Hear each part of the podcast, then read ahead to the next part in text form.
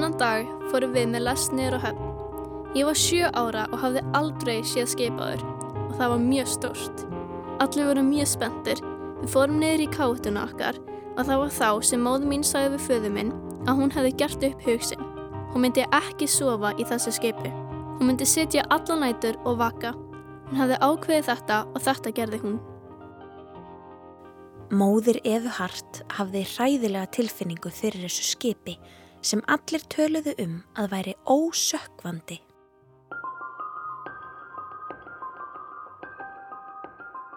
Þetta er sagan af börnunum á Titanic eða kannski frekar sögurnar því það voru yfir hundrað börn um borð í þessu heimsfræga skipi sem átti ekki að geta sokkið en gerði það samt.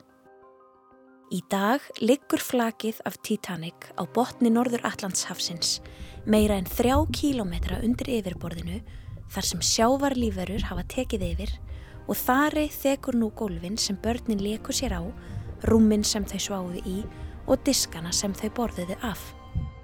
Sum barnana sem fóru um borð í Titanic komust aldrei aftur í land. Þau voru meðal næstum 1500 sem druknuðu þessa örlagaríku nótt þegar skipið ósökkvandi, Titanic, rakst á Ísjaka og heið óhugsandi gerðist. Það sökk í ískallt hafið. Mörg börn komust hins vegar af og gáttu sagt sögu sína. Aðtugið að efni þáttarins gæti vakið óhug og því er mælt með að foreldrar hlusti með börnum sínum.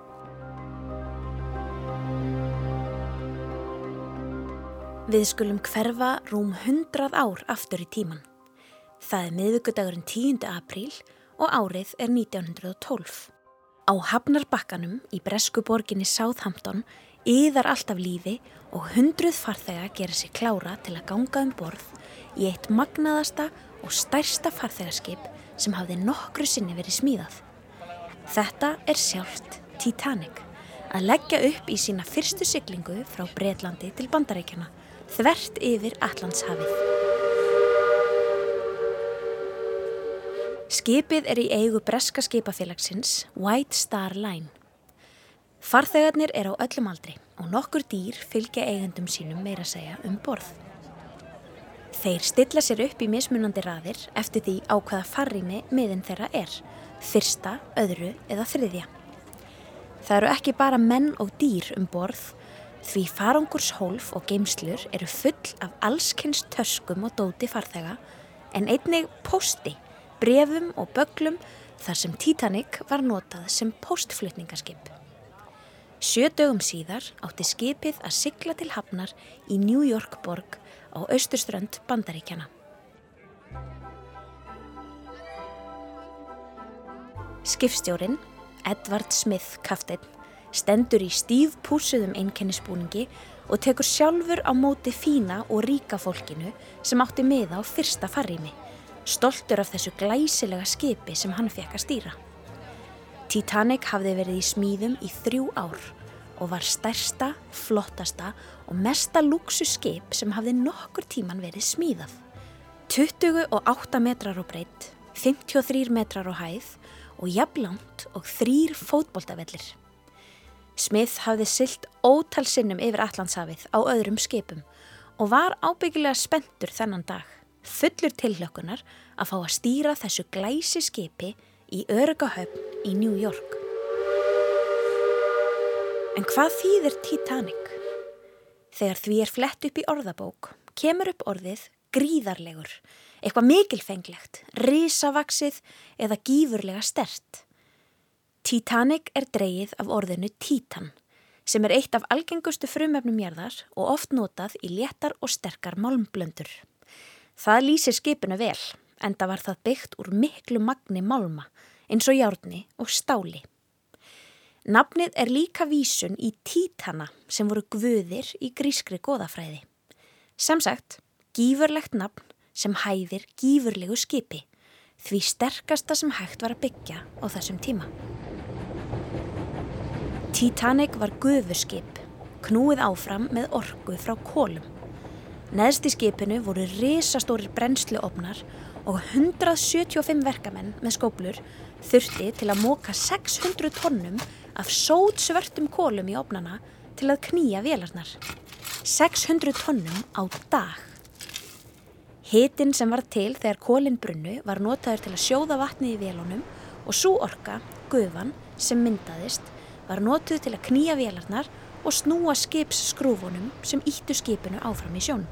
Fjórir risavaksni strömpar stóðu upp úr Titanic og settu sveipsinn á skipið.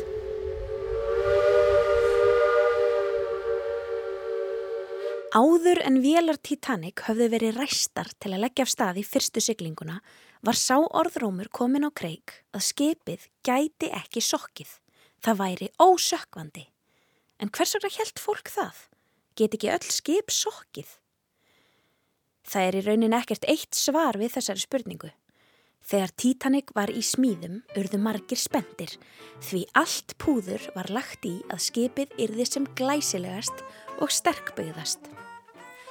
Í blaðauglýsingum fyrir Titanic og sýsturskip þess, Olympic, var sagt Þessi tvö skip eru hönnuð til að vera ósökkvandi. 16 vassþjætt hólf voru sett neðist í skipin og hægt að loka á milli þeirra með vassþjættum hurðum. Ef sjór kæmist inn í eitt, tvö eða jafnvel fjögur hólf ætti að vera hægt að loka þeim svo það kæmist ekki meiri sjór inn og forða skipinu þannig frá því að sökva. Þegar fyrstu fréttir bárust að landi um að eitthvað hræðilegt væri að gerast í Titanic út á miðju Allandshafi sagði varaformaður skipafélagsins White Star Line við bladamenn. Við höfum fullkomna trú á Titanic. Við teljum að skipið sé ósökkvandi. Eigandurnir höfðu tröllatrú á skipinu og því ekki skrítið að almenningur gerði það líka. Margir farþegar heldu að þeir var á leið um borð í ósökkvandi skip þennan miðvöggudag 10. apríl 1912. Örlaugin og tilviljun einn réðu því að margir farþegar sem áttu alls ekki að fara með Titanic vestur til bandarækjana enduðum borði í skipinu. Ferðapljón breytust á síðustu stundu. Fjölskylda hinnar sjö ára gamlu Efu Hart voru þar á meðal. Þau hafði búið í London en voru leið til Winnipeg í Kanada þar sem fadir Efu hafði ákveðið að hefja nýtt og betra líf með fjölskyldu sinni. Þau áttu far með öðru gufuskipi, USS Philadelphia, en það komst ykkur höfn vegna þess að það var verkfall í kólanámanum og ekki fengust kól til að sigla alla leiðina. Miðanum þeirra var því breytt yfir í miða með Titanic á öðru farrými. Ég vissi ekki hvers vegna ég vildi ekki fara, en ég veit það núna.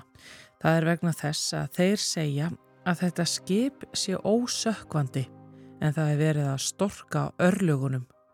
Þetta skip kemst aldrei á leiðarenda.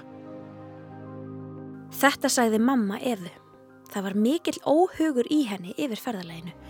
Henni fannst að það væri verið að storka örlugunum með því að segja svona Mannskeppnan væri ekki ósigrandi og gæti ekki komið í veg fyrir slisin.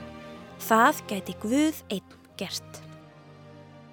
Sumir farþegana voru leið í heimsókn til ættinga í bandaríkjónum í frí eða í vinnuferð. Margir voru að flytja frá Evrópu og ætlaði að hefja nýtt líf í bandaríkjónum. Innflytjandur sem áttu miða á öðru eða þriðja farrými. Þar á meðal voru meðgurnar Violet Madeleine og Elizabeth Ann Mellinger. Elizabeth Ann var einstæð móðir. Hún hafði streytað mikið í Breitlandi og stemdi á betra líf handan Allandshafsins. Hún reði sér í vinnu sem ráðskona á Fillmore-bílinu í Vermont í Bandaríkjónum hjá Colgate fjölskyldunni sem er á bakvið tankremsmerkið Colgate. Þær fóru um borð með miða fyrir tvo á öðru farrými, miða nr. 250644 sem kostaði rúm 19 pund.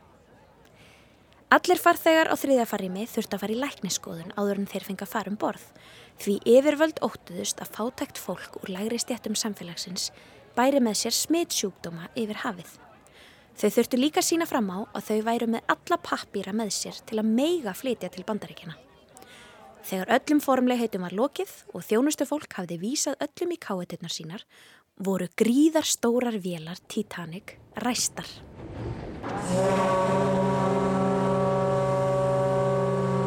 Sískinin Louis og Shamila Garrett, 12 og 14 ára, fóru á þriðja farrými Titanic, án pappa síns sem ætlaði að fara með þeim. Hann var hins vegar stoppaður af í lækniskoðuninni og mátti ekki fara um borð því hann var með uppsíkingu. Þau voru frá Líbanon, töluðu enga ensku og voru nú ein um borð í þessu risastóra skipi á leið til bandaríkjana. En móður þeirra og nokkur önnur sískinni voru nú þegar komin þangað, flutt til Flórida. Louis sagði síðar í viðtali. Við vorum leið að skilja pappa eftir en spennt að vera komin um borð í RMS Titanic, stærsta hraðskreðasta og mesta luxusskip allra tíma sem átti líka að vera ósökkvandi.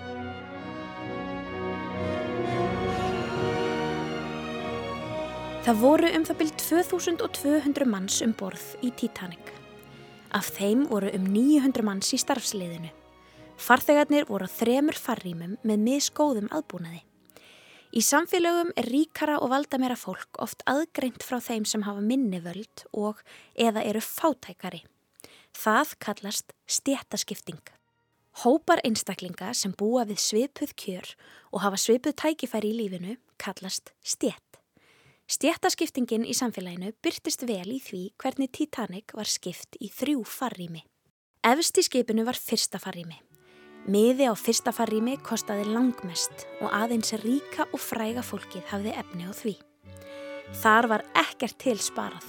Káetunar eða söpnherbergi farþega voru stórar og rúmgóðar, hlaðnar bestu húsgögnum og innréttingum, dýrindis kræsingar voru borðnar og borð hvert kvöld á fínum veitingastað þar sem þjónað var til borðs. Þar var líka hægt að fara í Tyrknest guðubáð og sund, spila skvass, fara til rakarans, slaka á í stórum lestrasölum og fara í parti á kvöldin þar sem dansað var langt fram á nótt í fínustu kjólum og smókingfötum. Á fyrsta farrými voru 324 farþegar.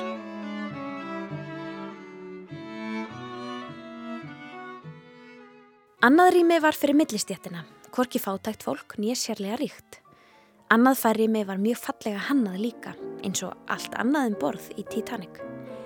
Í káetónum voru tvö eða fjögur rúm og sófi, farangur skemslur, vaskur og speill. Salirni voru sameinleg en hægt var að byggja um að fá að fara í bað. Skipt var á rúmum daglega.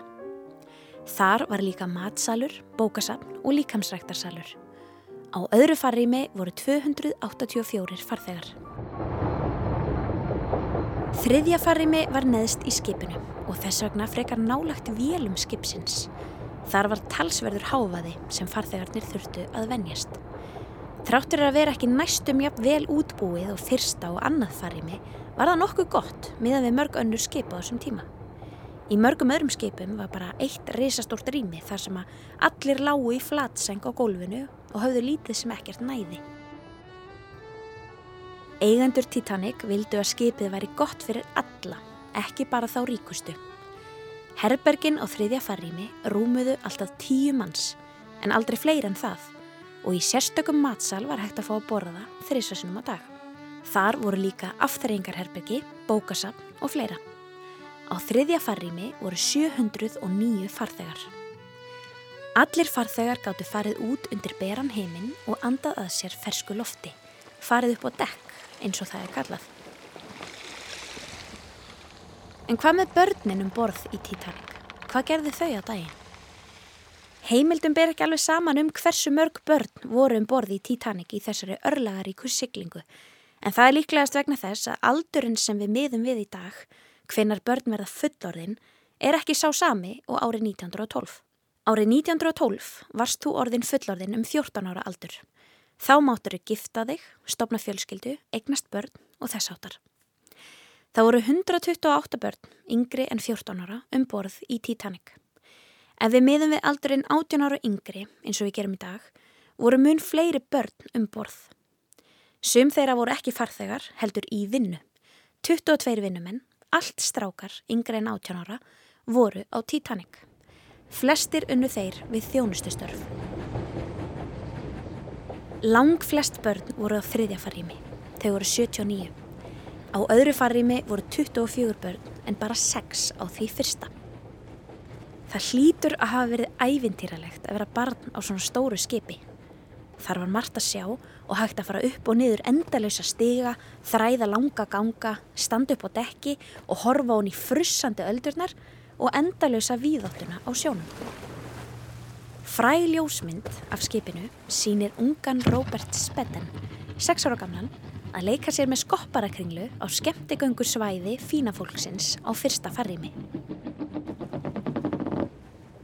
Börnin á fyrsta farrými voru kannski ekki alveg af frjáls og hinn börnin þar sem þau höfðu flest barnfóstur með sér sem sáu til þess að þau hegðuðu sér vel en það ekki við hæði að rík og siðprúð börn hegðuðu sér eins og villimenn. Eitt af börnunum um borði í Titanic var hinn nýju ára Frank John William Goldsmith Jr. Pappi hans smíðaði verkfæri á Englandi en fjölskeldan ákvað að freysta gæfunar í bandaríkjónum og keipti miða á þriðja farrimi Titanic. Frank fann sér fljótlega leikfélag á skipinu, hópur af ennskum strákum sem klifruðu á farangursliftum og laumuðu sér niður í kindiklefan og fyldust með kólavinnumununum, móka kólunum og syngja vinnusöngva til að leta sér vinnuna. Þar máttu strákarnir að sjálfsögði alls ekki vera, en það mjög hættulegt. Þetta vitum við vegna þess að Frank komst lífs af úr slísinu og skrifaði bók um upplifun sína. Eftir fjögur að daga siglingu var komið sunnudagskvöld, 14. april. Veðri var með bestamóti, það var kallt en heiðskýrt og logn. Skipið sildi á miklum hraða, en það mikilvægt að halda tíma áallin. Skipverjar á Titanic höfðu fengið viðvaranir frá öðrum skipum. Það var svo lítið um ísjaka á siglingarliðinni, en þeir höfðu ekki miklar áhugir af því. Kaftit Smith ákvaða hunsa þessar viðvaranir, en það var almennt talið að ísjakar væru ekki hættulegir svona stórum skipum. Ef ísjaki byrtist framundan, myndu varðmennir sjá hann í tæka tíð og hægt væri að stýra Titanic fram hjá honum. Og það var einmitt það sem gerðist. Klukkan 11.40, rétt fyrir miðnætti, sér Fredrik Flít, varmaður, ógnvænlega sjón. Er einhverja þarna? Já, hvað sér þau? Ísjaki, beint framundan! Yfir stýrimaðurinn, William Murdoch, fyrirskipaði að skipinu erði stýrt fram hjá Ísjakanum og reyndi að hæja ferðina. En það var of seint. Ísjakin var of nálagt.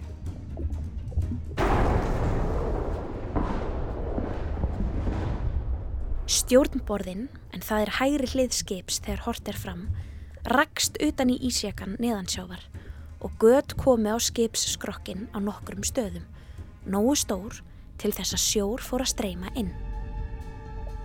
Fimm af vassheldu hólfunum sem voru neðst í skipinu fór nú að fyllast af sjó. Einu fleiri hólf en átt að vera örugt til að koma skipinu heilu og höldnu til hafnar. Titanic var dæmt til að sökva, strax frá fyrstu stundu.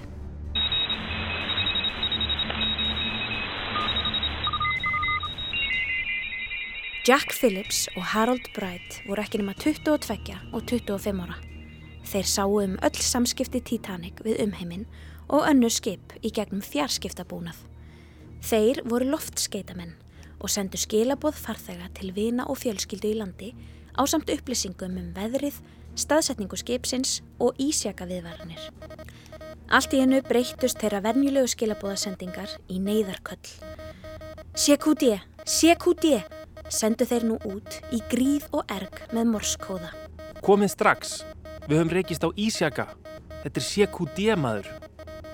Við höfum reykist á Ísjaka og sökvum með stefnið á undan. Þessi kóði er eitt fyrsta neyðarmerkið sem búið var til fyrir loftskeitarsamskipti. Það þýðir allar stöðvar aðtöið neyðar ástand. Í dag þekkjum við betur neyðarmerkið SOS sem hljómar svona í morskóða.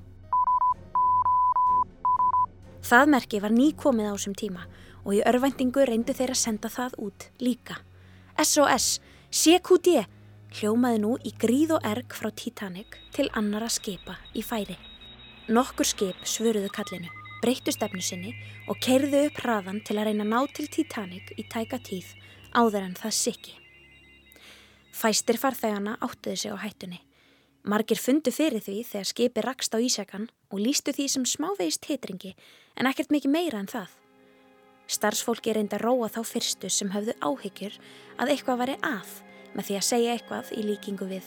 Við höfum lendið í smávænlegu óhöppi. Þeir munu laga það og við munum halda eftir að stað fljótlega. Fljótlega fóru skipstjórin og aðrir yfirmenn að skipilegja björgunaraðgerðir en það var þeim ljóst að ástandið var mjög alvarlegt. Neyðarblísum var skotið á loft og fólk fór að flikjast upp á dekk til að fylgjast með og fá fréttir. Hvað var að gerast? Fljótlega eftir það fóru farþegar líka að átta sig hvað staðan var alvarleg. Skipið var að sökva. Björgunar bátar voru losaðir og starfsmenn reyndu eftir fremsta megni að skipilegja hverjir ætti að fara fyrstir til að koma í veg fyrir óreiðu og óðagott en það var hræðslan farin að taka yfir. Er ekki best að koma konunum og börnunum í björgunabátana, herra? segir Murdoch stýrimaður við kaftin Smith. Hann kinkar kolli til samþykis og segir Látið konurnar og börnin fara í bátana og látið þá síga niður. Fyrstu björgunarbátarnir voru komnir út á opið hafið klukkan korter í eitt, rúmum klukkutíma eftir að þið magnaða skip Titanic rakst utan í risavaksin ísjaka á miðju norður Allandshafi. Við höldum áfram með söguna í næsta þætti.